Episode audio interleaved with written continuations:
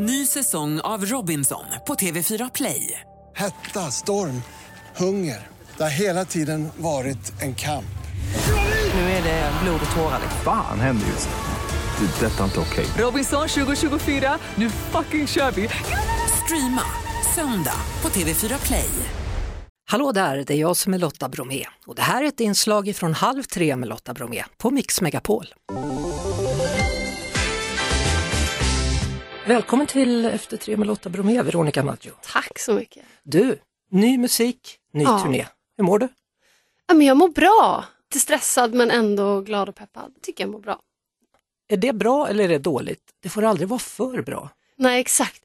Jag har brottats lite med den grejen. Att så här, nu tycker jag att mitt liv är så himla härligt och liksom harmoniskt och jag är inte i något förhållande där jag håller på att släpa en IKEA-kasse från en lägenhet till en annan. ja men du vet, jag har inte massa destruktiva beteendemönster kvar i mitt liv tycker jag. Men ändå så lyckas jag faktiskt skriva musik. Det är intressant det där med, med den där myten om den olyckliga konstnären. Liksom, Ja. Som skriver bättre texter, bättre böcker, bättre låtar. Men samtidigt så känner jag att så här, en viss typ av texter bottnar jag inte riktigt i nu. Alltså att jag, jag har liksom svårt att tycka synd om mig själv på det sättet som jag kunde för 10-15 år sedan. För då tyckte jag verkligen synd om mig själv på riktigt och, och skrev om det ärligt. Och eh, Det kan man ju skratta åt men andra människor som är i samma situation kan ju ta det till sig. Liksom. Så det finns ju något bra i det där ältandet också. Ja, men, men det är det som är bland mycket fantastiskt med dina texter, det är ju att man kan relatera själv. Ja, det hoppas jag. Ja. Ja. Men, men nu så känner jag inte, ja, jag vet inte, jag, jag måste hitta en annan ingång nästa gång känner jag. Men, men är det inte svårare att skriva en glad låt än en ledsen? Oh ja, det är omöjligt att skriva en glad. Vilken tycker du är din gladaste låt? Min gladaste låt? Ja men jag kommer är ju superglad, eller den är ju liksom, ja men den är ju peppig. Det var ju nedräkning här eh, förra veckan på Mix Megapol med topp 1000 och det slutade med att du hade faktiskt hela åtta låtar på den Oj. listan. Wow! Ja. Ja. Och då pratar vi hela världen, alla tider. Oj oj oj, ja, det är ju fantastiskt. Och högst upp kom, jag kommer, plats 233. Okej, Veronica, hur har covid egentligen varit för dig? helt okej ändå under omständigheterna. Jag, jag, ehm, jag har ju varit mitt i en albumprocess, alltså under hela coronapandemin. Så att på det sättet har det passat ganska bra. Och så fick jag ju också barn precis när allting bröt ut. Så då var jag ändå hemma. Var det innan alltihopa blev sådär superallvarligt? Ja precis. Det, jag fick barn i oktober och sen började det här i februari. Men sen så är det ju, alltså det har ju påverkat mig enormt mycket. Jag fick ju ställa in två sommarturnéer och ja, livet i, i stort påverkas ju så. Men jag känner ändå att jag har liksom tagit mig igenom det på ett bra sätt. Jag tänker på det där att, att du säger att du är på en annan punkt nu än vad du var för typ 15 år sedan. Absolut. och, och att det är lite lugnare och så. Eh, Jag vet ju när jag fick barn att Ja. det här låter så klyschigt men det är ju så alla säger, livet blev på ett annat sätt. Ja, alltså jag måste säga att ehm, ja, men första gången jag fick barn, då var jag 29 och var det som att jag var så otroligt mån om att allting skulle fortsätta som om jag inte hade blivit mamma. Eller alltså, eh, jag ville liksom bevisa för alla som jag jobbade med och alla som lyssnade på mig att så här, nej, men här, här har inte hänt någonting. Det är bara en ny liten sidekick som jag har med mig. Så att livet förändrades inte lika mycket då för jag tillät liksom inte det första gången. Men sen så har jag ju vuxit sen dess tack och lov. Bosse var det som kom första gången. Bosse kom först. Eller heter ja. han Bo? Nej, han heter Bosse. Fint namn. Jättefint. Ja. och, och sen nu senast kom Rut. Hur, hur var skillnaden då? När du fick barn den här gången, när du var lite äldre? Ja, men eh, skillnaden var nog eh, både min inställning till mig själv och föräldraskap och liksom eh, ett annat sätt att så här, ta ansvar och att uppskatta andra sidor. Gud, det låter som att jag är så otroligt gammal och vis. Men, men jag men kände det- verkligen att det var en stor skillnad och också att jag sörjde lite att jag inte hade på något sätt sinnesnärvaron att eh, vara en likadan förälder när jag fick Bosse som, som förut på något Mm. sätt. Alltså att, ja. Jag har en dotter Ja. Ensambarn. Vad är skillnaden att ha, att ha två barn för dig? Ah, svårt. Alltså jag älskar att de är två, att de har varann. Liksom. Kanske man får göra saker annorlunda andra gången och sen att de... Jag tycker man blir en annan sorts förälder på något sätt. Kanske inte lika ängslig. Nej, faktiskt inte. För man är ju väldigt mån i början om att man ska göra allting rätt och det får absolut inte. Och så är man nervös också att det ska ja, hända något. Exakt. Ja. Eh, nej, men man blev lite paralyserad första gången. Att det är så här, nej men jag kan inte göra någonting för jag har min bebis här. Alltså att, Hur var dina föräldrar då jämfört med hur du är som förälder? Um, vad svårt. Man tänkte inte så mycket på deras föräldraskap då.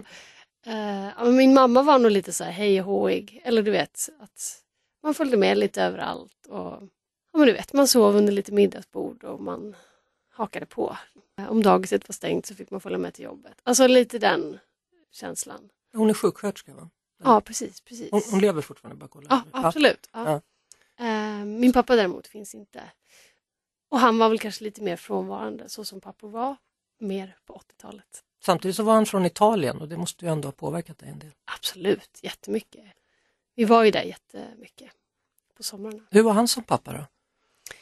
Ja, men väldigt så gillade att, att, att leka och göra mycket. Väldigt pysslig. Jag tror han, han roade sig med att liksom klä ut mig och säga till indianer eller att bygga en, bygga en gunghäst. Eller, ja, Han var väldigt så intensivt där när han var där eh, och gjorde stora projekt. Liksom. Var han tandläkare? Ja.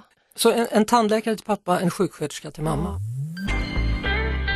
Första gången vi träffades, det var en av de allra första intervjuerna som du gjorde. Jag var morgonvärd på Radio Stockholm. Ja. Och när du kom in så frågade jag om dina drömmar.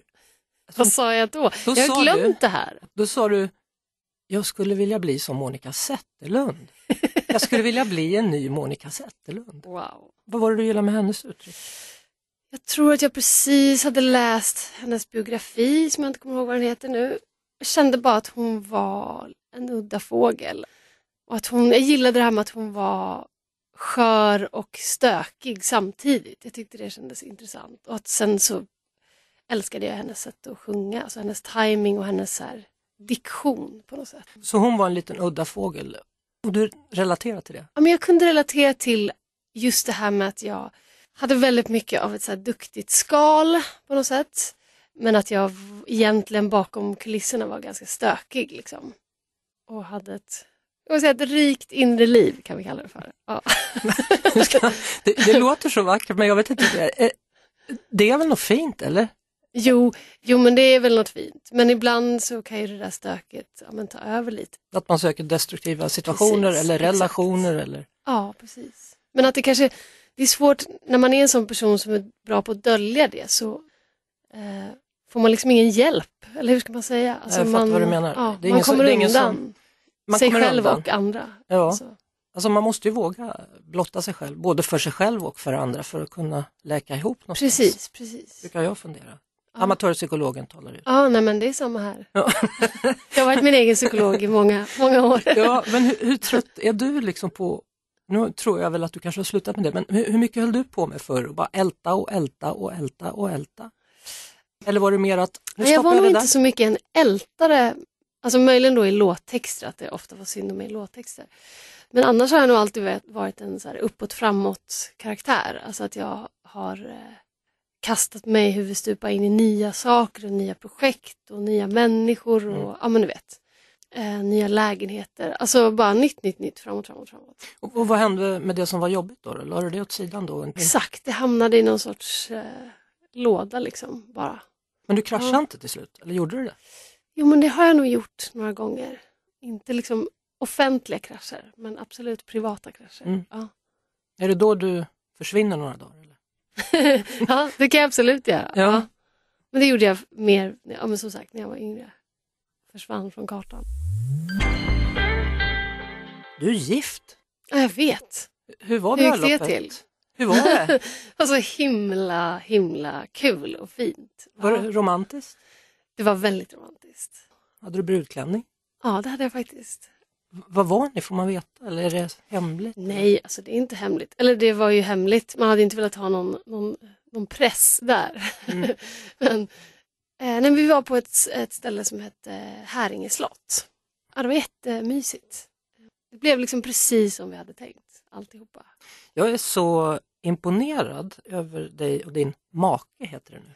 Ja, exakt. Ja. Att ni kunde hitta tillbaka till varandra. Ja, Ni var ifrån varandra i fem år efter att ni hade fått första Ja. barnet. ja, Och sen blev ni ihop igen, ja. gifter er och har nu ett andra barn. Alltså hur går det till? Ja, det är faktiskt sjukt. Också med tanke, om man känner mig och vet hur liksom, ointresserad jag är av saker som jag redan har gjort så vet man också hur konstigt det här är.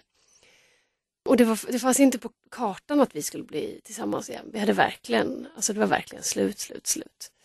Ehm, nej, jag, jag vet inte. Det, vi, nej men vi, eh, vi skulle ses och så plötsligt så bjöd han mig på middag och sen, ja jag vet inte, det bara löste upp någonting. Men, men hur blir det då andra gången? Liksom? Är det någonting man känner igen och är bekväm med eller är det någonting som har förändrats som gör att man, ja men det kanske är vi i alla fall. Ja, Men det fina var att det var både och. Alltså det var liksom de bra delarna utan de dåliga om nu det är möjligt. Alltså att våra problem första gången var liksom kanske att vi inte var tillräckligt stabila. och att eh, andra gången hade både jag och han lärt oss liksom en massa saker om oss själva och eh, blivit bättre på de delarna. Då gick det liksom att få ihop det igen. Ehm, Jag är ju sån här obotlig romantiker så jag tycker ju bara att det här är ju liksom underbart. Någonstans. Ja, nej, men det tycker jag också. Ja. Nu är det snart sommar. Ah, Hur känns det? alltså jätte, jättebra. Mm. Älskar sommaren. Känns ju som en klyschig grej att älska, men det gör jag verkligen.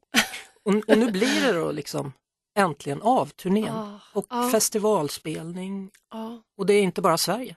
Nej, jag hörde nu någonting om så här, jag fick panik när jag hörde på radion något om apkoppor eller vad det hette. Kände bara, men nu, Det räcker. nu räcker det, inga apkoppor ska få ta Ja. bort min turné. Eh, nej men jag skojar bara. Nej men det, det känns liksom surrealistiskt att det blir av, men det ska det bli. Hur mycket tänker du och planerar inför en turné, en konsert? Jättemycket. Ordning på låtar, kläder? Ja, verkligen. Nej, men allt planeras ju liksom. Det är också det som är lite skönt. Allt tänkande, det gör man först. Är kritisk och på något sätt recenserar sig själv, det gör man i förväg. Och sen efteråt kan man bara få så leva ut. Då är allt bara bestämt. Jag vet vad jag ska på mig, jag vet vad jag ska spela, jag kan bara gå in i rollen. Liksom. Och Mm. Jag älskar den känslan av att man inte håller på och ser sig själv utifrån.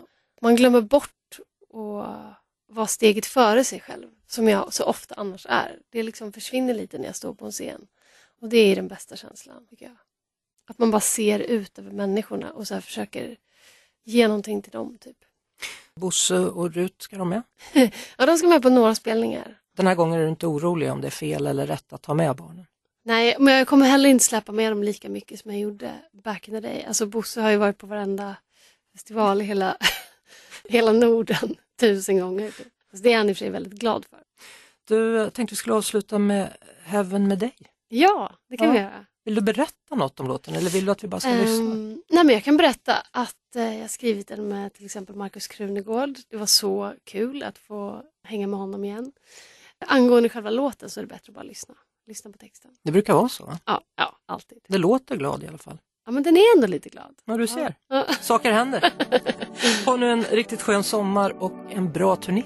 Det ska jag ha. Tack så mycket Veronica Maggio. Det var det. Vi hörs såklart igen på Mix Megapol varje eftermiddag vid halv tre. Ny säsong av Robinson på TV4 Play. Hetta, storm, hunger. Det har hela tiden varit en kamp. Nu är det blod och tårar. Fan händer just det. Det är detta inte okej. Robinson 2024, nu fucking kör vi! Streama söndag på TV4 Play.